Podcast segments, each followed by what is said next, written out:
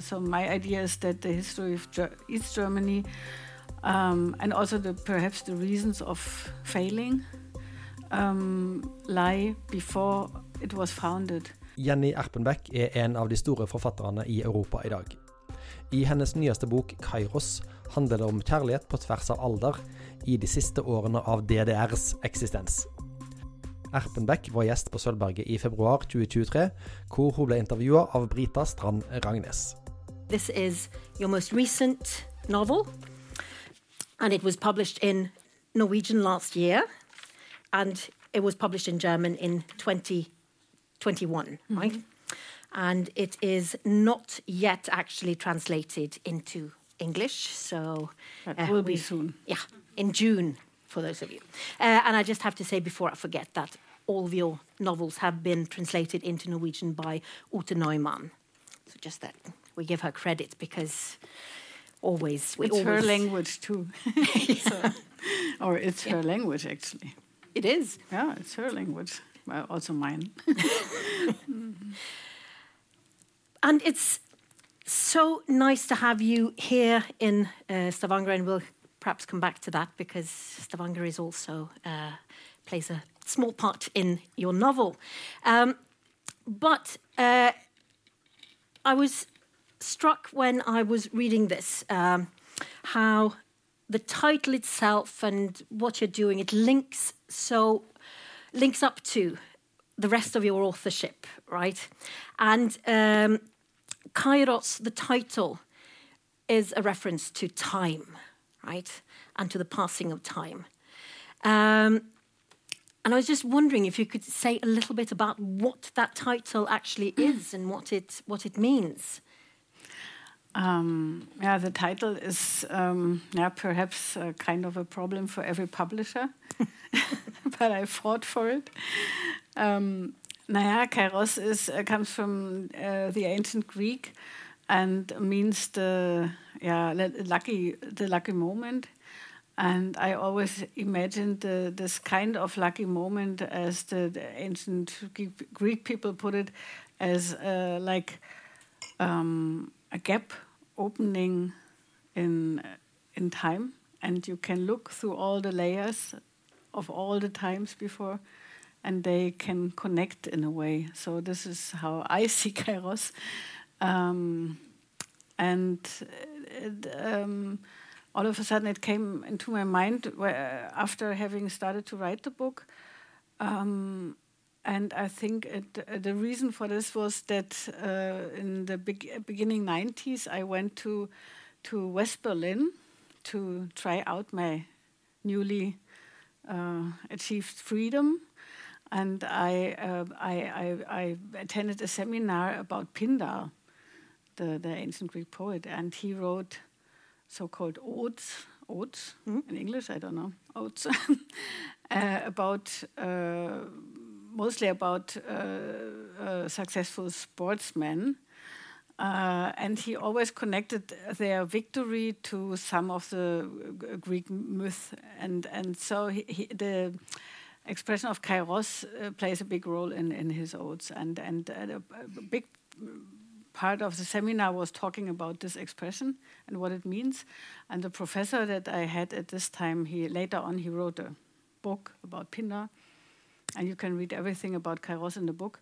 And it's it's interesting because he says uh, the the the God's word and the human word are connecting because because the gods open up the opportunity, but the the the man or the woman, mankind, they have to to grab it and, and to hold it and to make something out of it. So mm. it's it's a moment when the, the, the things that are coming from the gods and the things coming from the human are touching each other. Mm. So it's yeah. the right time, in a sense, to do something. right time, and and which is also interesting is to say that uh, it means it is the luckiest moment, which mm. means it will not be reached before and after. Mm. So it's a unique moment that will like be a, um, a, point of the highest luck, so to say, and everything else can only be less, which is also connected to my book. Mm. Yeah. And uh, you were saying uh, that in the early 90s you were traveling to West Berlin, which is, of course, a significant uh, uh detail to include because uh, this is a book that is, it's a love story. It's the, uh, it's the end of a love story or the, the destruction of love.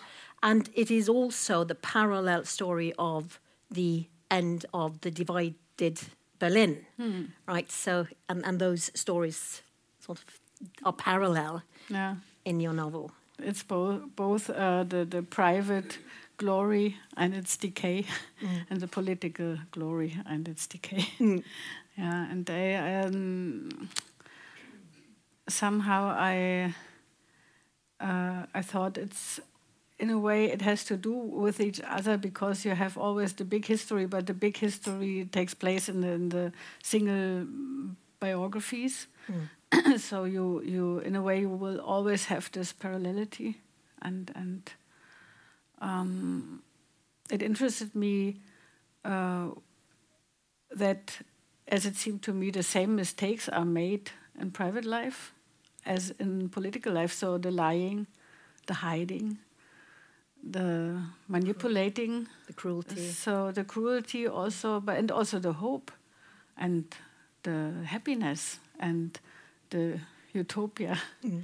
So all this is is very similar, and it interested me to to to intertwine. Mm. And when your novel starts, it is uh, sort of it, it's it's not in the time period where most of the story is set. It's it's a sort of a look looking back or uh, uh, an event, a death that starts to trigger the whole story of uh, of the uh, uh, that you tell in the novel, and it is it is um, Katharina, your protagonist, who or one of your protagonists, who is being told that her former lover Hans is dead, and uh, I, w- I was wondering, you, you said that that would be interesting for you to read for us, that opening of the novel. Okay. And uh, today it's uh, now this is going to be in German, just so that you know, so that this you get to, to hear this. German. Yes, people are applauding already. and, and, it's uh, also it's due to my uh, not being modern, but uh, also I, I yeah, I thought it doesn't make sense to bring the German book, but as it turns out, it makes had made sense, and so you have the like the unique experience of uh, listening to me reading out of my telephone. um, so, okay. Yes. Um, wait. Wirst du zu meiner Beerdigung kommen? Sie sieht nach unten auf die Kaffeetasse, die vor ihr steht, und sagt nichts. Wirst du zu meiner Beerdigung kommen? fragt er noch einmal. Sie sagt, du bist doch noch ganz lebendig. Aber er fragt ein drittes Mal, wirst du zu meiner Beerdigung kommen? Ja, sagt sie, natürlich werde ich zu deiner Beerdigung kommen. Eine Birke steht neben dem Platz, den ich mir ausgesucht habe. Schön, sagt sie. Vier Monate später ist sie in Pittsburgh, als sie die Nachricht erreicht, dass er gestorben sei. Es ist ihr Geburtstag, aber noch vor der ersten Gratulation aus Europa ruft Ludwig sie an, sein Sohn, und sagt, Vater ist heute gestorben. An ihrem Geburtstag. Als seine Beerdigung stattfindet, ist sie noch immer in Pittsburgh.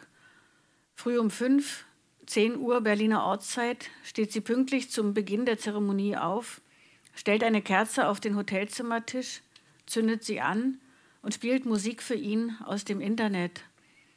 Den zweiten Satz des D-Moll-Konzerts von Mozart, die Aria der Goldberg-Variationen von Bach, die Chopin-Mazurka in Ass. Jedes dieser Musikstücke hat Unterbrechungen, in denen Werbung gezeigt wird. Der neue Hyundai, eine Bank, die Hauskredite vergibt, ein Medikament gegen Schnupfen. Als sie sechs Wochen später aus Pittsburgh nach Berlin zurückkehrt, sieht sie den frischen Sandhügel und daneben die Birke.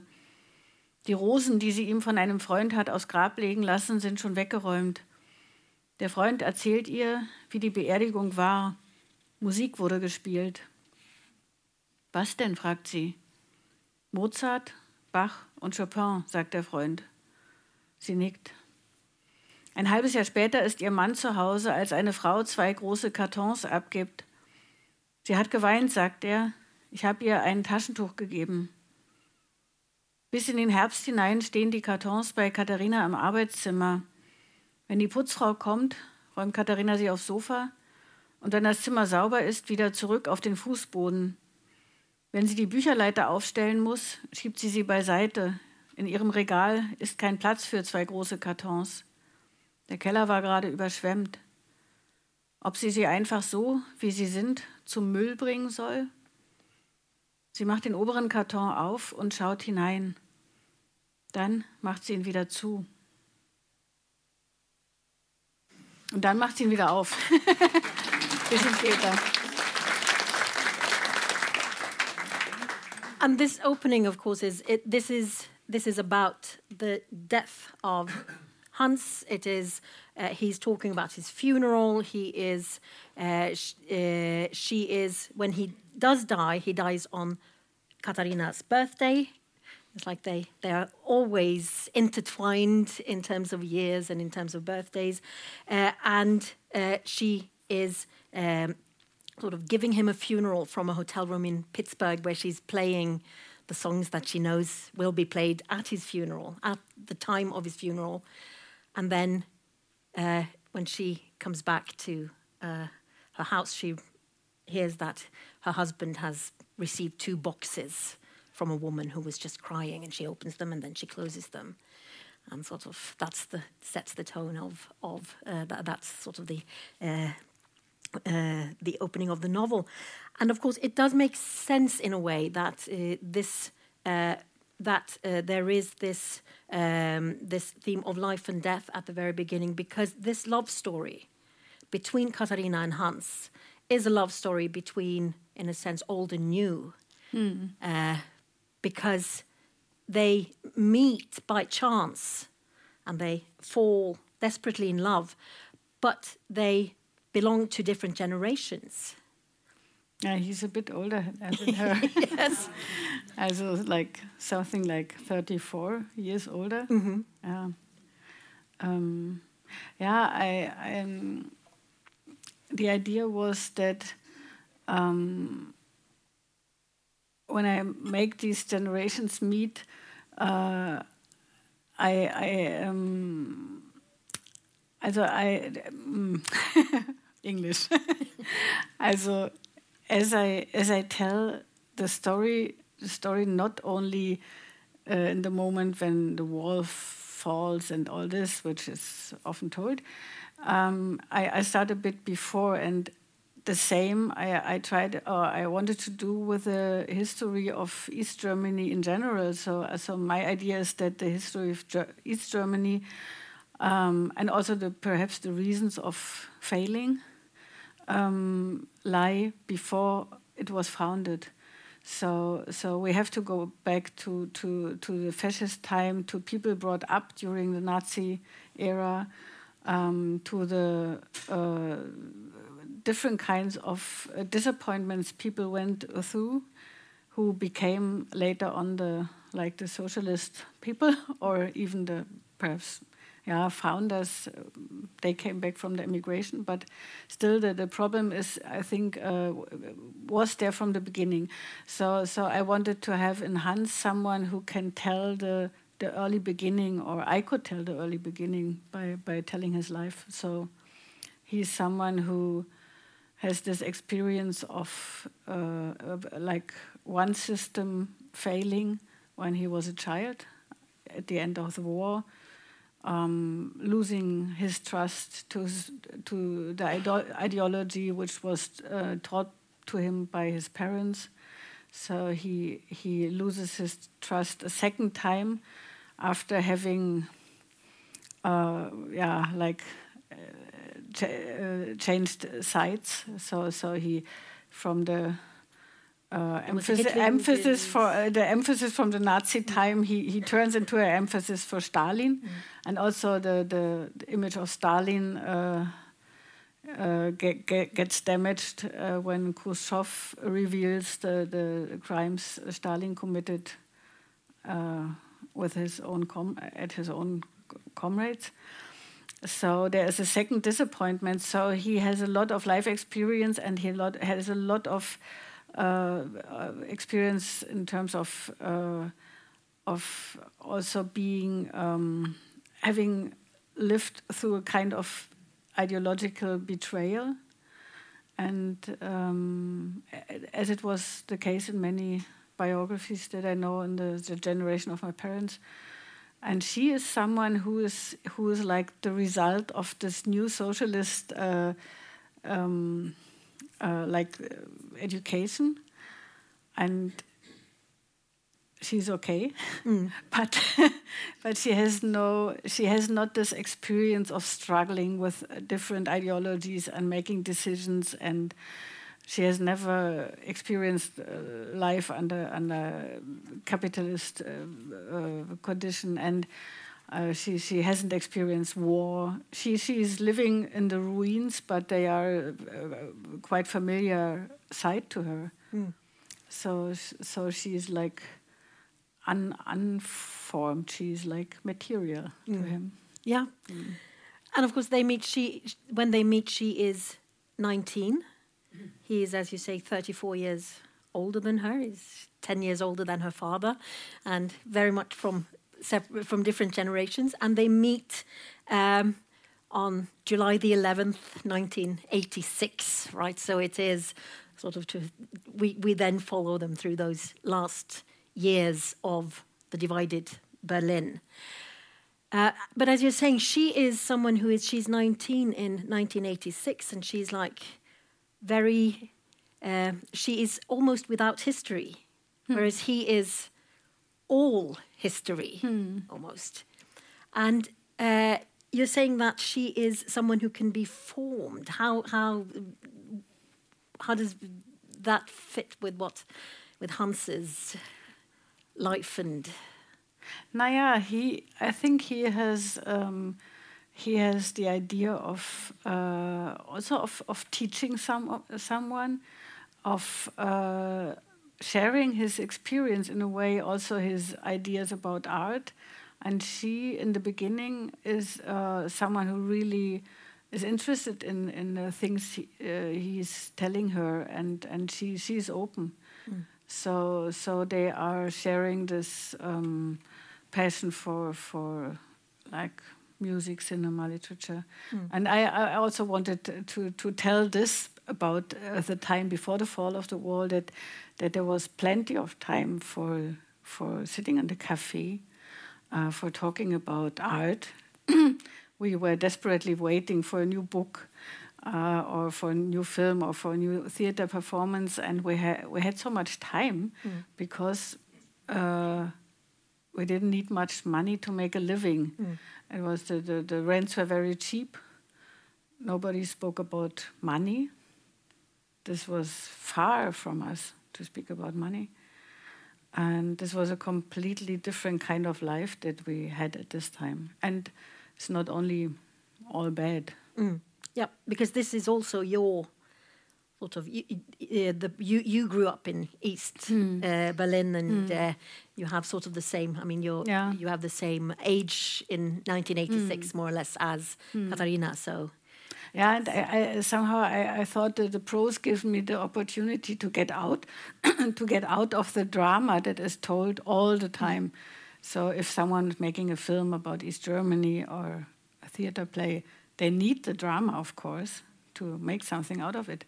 And and my experience was that at least on uh, on the surface, that it was very quiet. It, it was uh, perhaps too quiet, but but it was very a very closed circle. The, the the wall was closed, so the intellectuals stayed in the country, and most of them in Berlin. Uh, so it it was very. It, it felt also very safe in a way, because it was so uh, surrounded by the wall. so Yes. we couldn't get out and nobody could get in. So, you know, as a child, as a young person, you feel very safe. And, and I also wrote an essay about it and making jokes about like, so so being brought up uh, in Berlin, I somehow it happened that we always lived not far from the wall. And I said uh, you, you could go roller skating because it was all dead ends. Because you can imagine a city divided by a wall is all, many, many dead ends. And you can play, and there's no criminal, you know, it's like cannot run away. um, And, and, and that's very, very clear, very marked in your novel, this idea of, of the wall almost as something sheltering, uh, not, a bit. mm. yeah. Yeah. Uh, it, uh, that as well as something that is shutting you out, and and that is of course um, uh, in this novel and in your previous novels. I mean, you deal also with issues of borders, right, and of precisely what is what's the nature of borders, because borders are something that shut us in, and it's also something that we can cross both physically and in our own lives, and. Uh, it's as if when when the wall is starting to crumble, so do the sort of borders, the safety of, uh, especially Katharina's life. Yeah, there are good and, and bad aspects of freedom too. So so the, the the whole book is in a way the the um, the idea of uh, trying to to get behind the mirror. So so we we um, uh, the idea of having two worlds beside each other uh, was very um, very clear to us because we, we could experience it every day. And of course, there's there's a conscience of, of borders and uh, many thoughts about what it means to cross a border, uh, what it also means to exclude people, or is it for, for like the safety inside or safety outside, you know?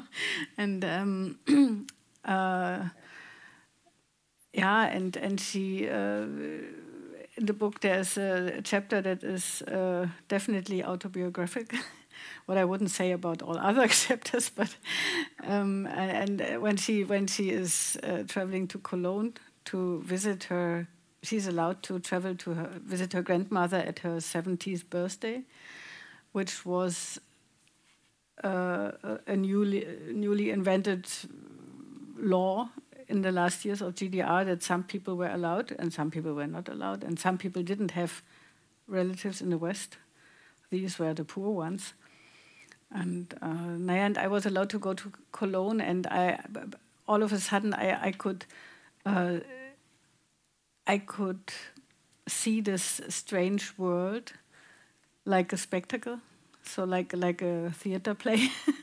In a way, I, I, I saw it from as a stranger, as a complete stranger, and I could also ha- have mm, look at my world from the other side, and th- this was a this was an interesting experience. And of course, there's also a border between truth and lie, and yeah, there are many borders in the book, and it's always the, the idea of crossing.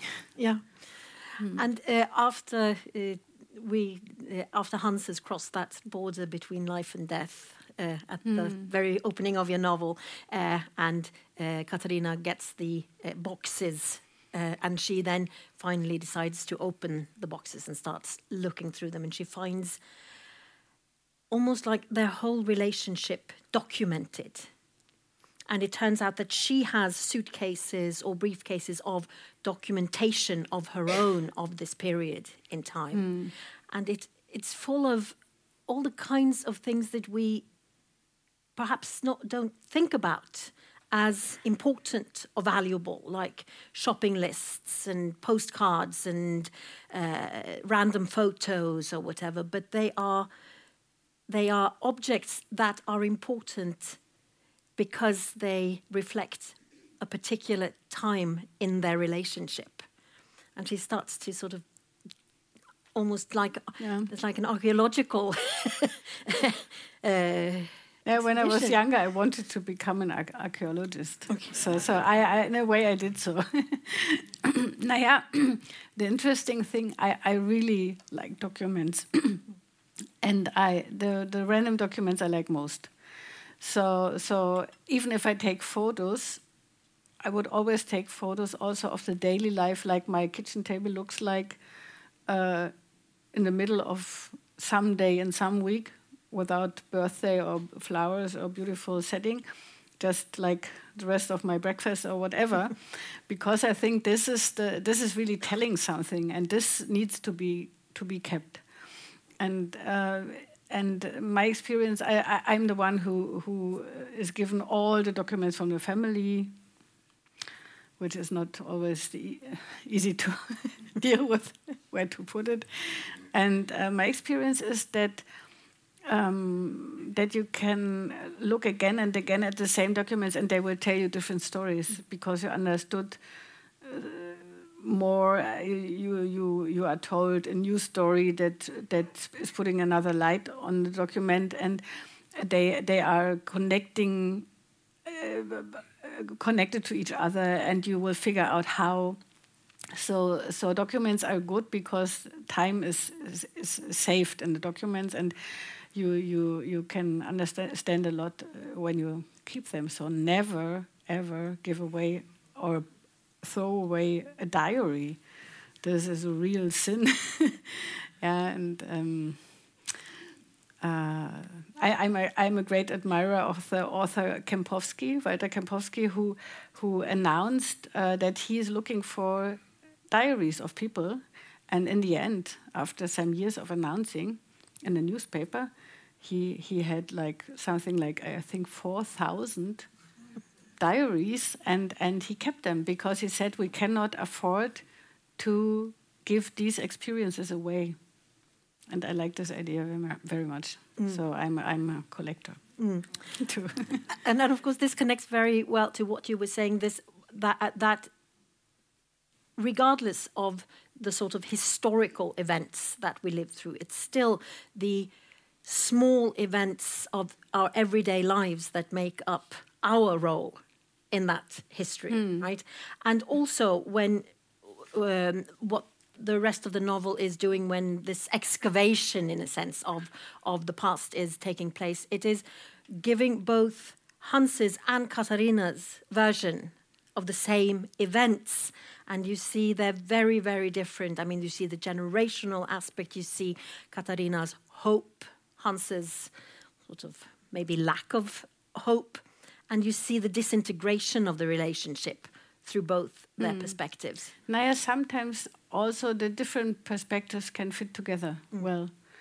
So, but it's not all about facts. It's it's more all about uh, the the look on th things, and and and the look is based on your experience, uh, on your the comparisons you make, and um, yeah. So so.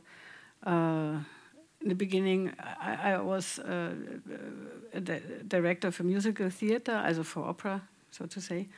And uh, it was always clear that uh, when you have an audience uh, seeing a play, so you will have all single different impressions that the play is uh, producing in, in the minds of the people. So, so it's very clear that there's never ever the same story about the same fact.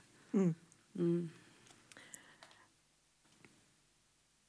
And the the thing that sets this off is this, as I mentioned, this uh, it's a random meeting in 1986, in summer of 1986, where uh, where Katharina and Hans they happen to be on the same bus, and uh, it's like the, the, the novel is also trying to examine. So, is this a fortunate event or isn't it? And uh, this is um, you have also in your prologue. You're talking about Kairos also as a god, uh, because he's also a divine figure, and you were saying that that uh, these moments is something that we need to grasp. And this is something. I mean, Kairos is mm. someone who is is very difficult. yeah, he's he's of. having the, the same hair as both of us have. so we, we are in costume tonight.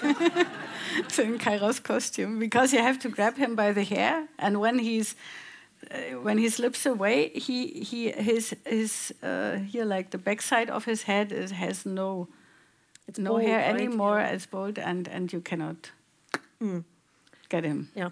I didn't go all in. Just Only this part.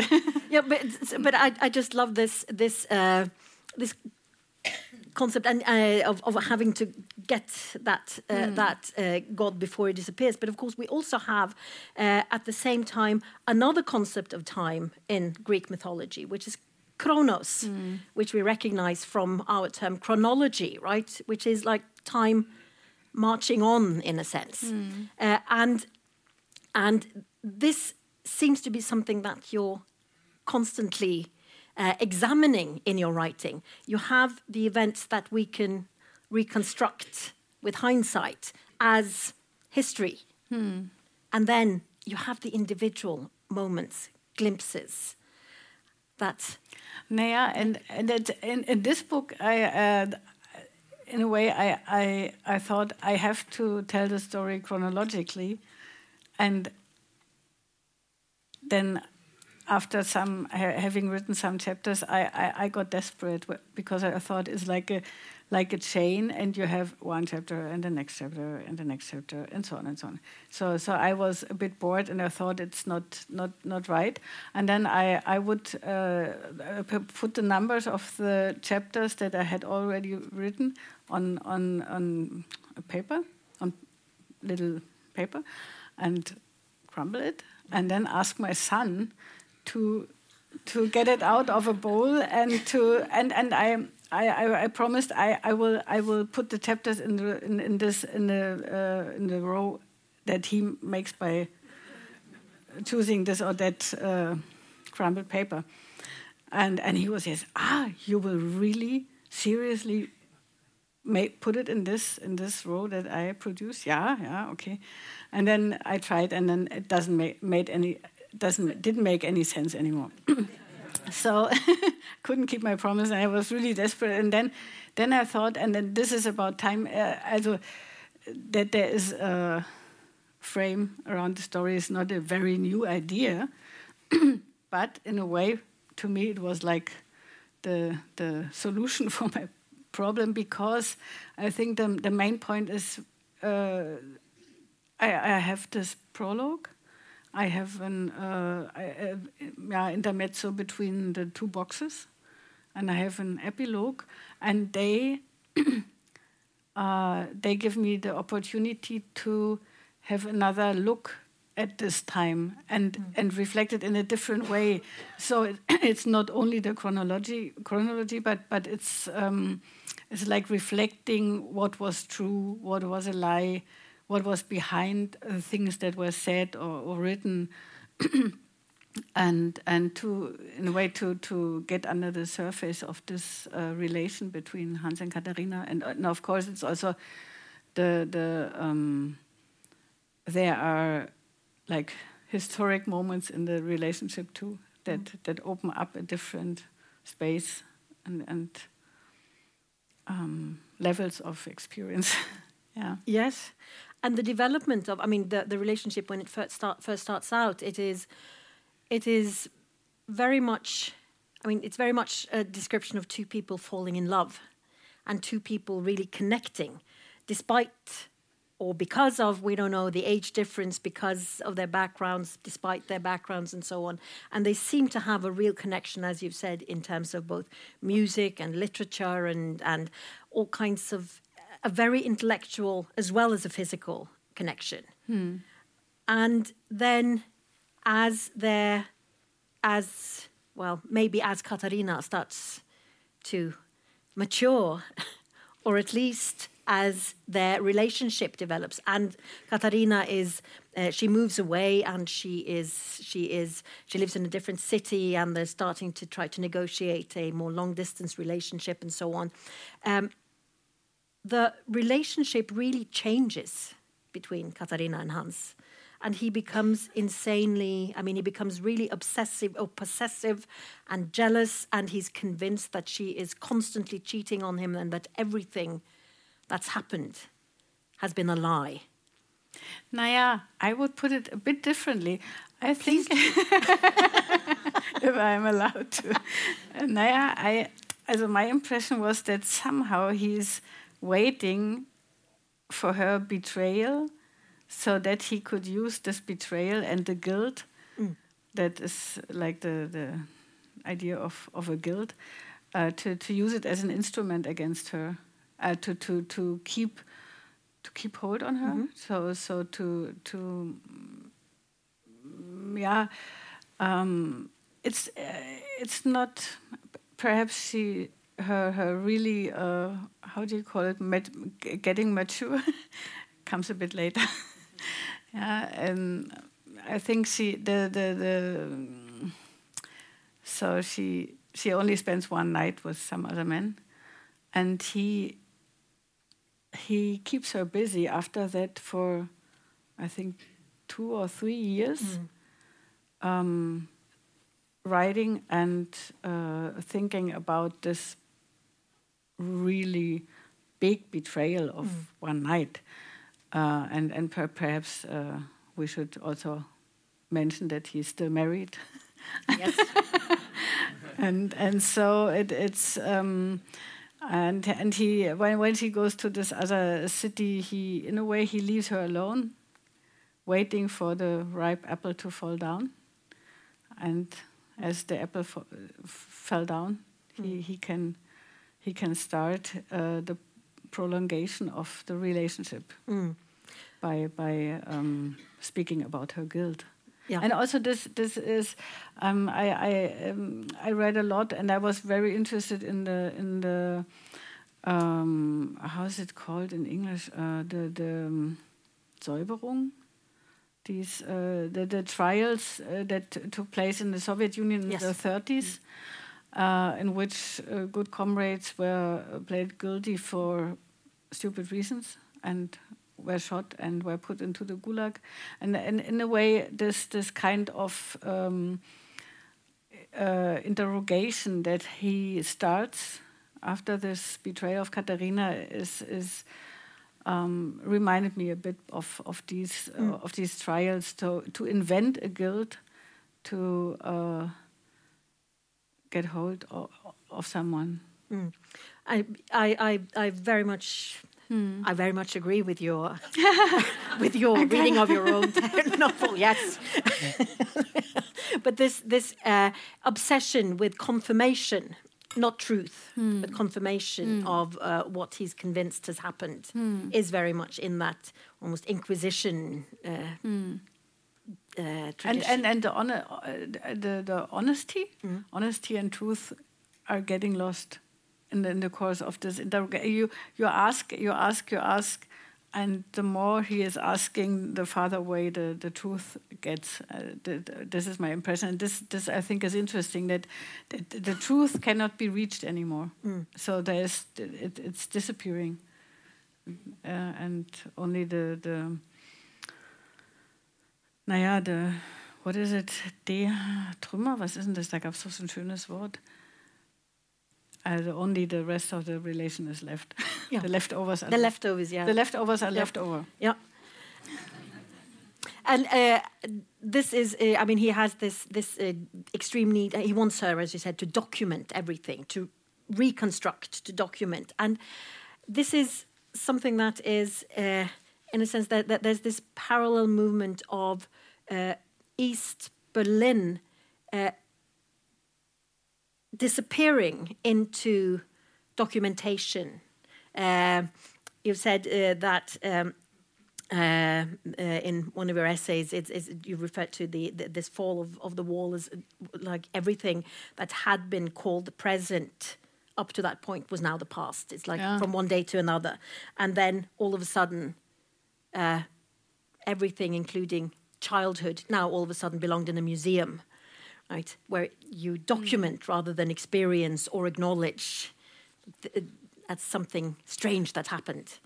Naja, it's it's um, it's uh, uh, it's a real um, a, a, a, mystery that that uh, something can become something else, or that that the passing of time you you know the before and after, but how it how it came or how the transition was made is often in the in the dark, mm.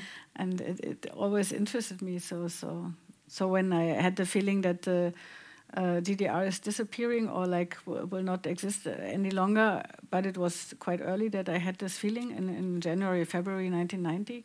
So it was like almost nine months before the unification took place. Uh, I started to collect wrapping paper of the of, of of the East just because I thought this is this is uh, um, an ancient culture that that is still there but will not be there uh, anymore very soon. Um, yeah, and I think it's also important that that um, uh, and I I don't I don't only tell the, the last about the last years of East Germany, but also about the years after the fall of the wall. So it's also a documentation of this process of uh, unification that, in some aspects, really didn't go well, mm. and and also uh, was a process of um, losing things, of giving away things of of uh, an experience of of a um, of a world falling apart. Uh, it, uh, only the moment, perhaps, when the wall fell was hundred percent, um, or let's say ninety percent, ninety percent uh, uh, euphoria, mm. and then what what came afterwards was a lot of loss and uh, irritation and also the experience of becoming like second class citizens mm. instead of federal republic inhabitants mm. things like that mm. and we also see very i mean you also show very interestingly the generational generational difference here i mean where Katharina is like you said, I mean, she's she's still hopeful. She's young. She doesn't have that kind of history. She does. She also collects sort of just ephemera things from uh, from uh, DDR that she is trying to preserve and the everyday objects. Whereas Hans, who is now uh, getting on in years and is starting to doesn't really know what to make of himself, he is in a sense feeling that his country is leaving him. It's like he isn't moving, but the rest of the mm. world is. Mm. And so mm. everything he knew mm. is now moving away. Naja, and, and he, he uh, also in the time before, he's always someone who wants to keep control. Mm. And uh, also not only about Katharina, but also about time. So, so he uh, there, there, are passages when I write about his idea of uh, like directing the present so that he will have nice memories afterwards. So there is no real present in his mm. word. Is always something that is directed or needs mm. to be directed to be to be good when he will be looking back one day yep. like this. So it's always a kind of a past in his mm. eyes, very, which is yep. strange because Katharina, of course, lives in the present. Yep or, or wants wants to live in the present. And all of a sudden, when the when the state is uh, gone, uh, and also the the idea of of another kind of society is gone, and he's losing his job.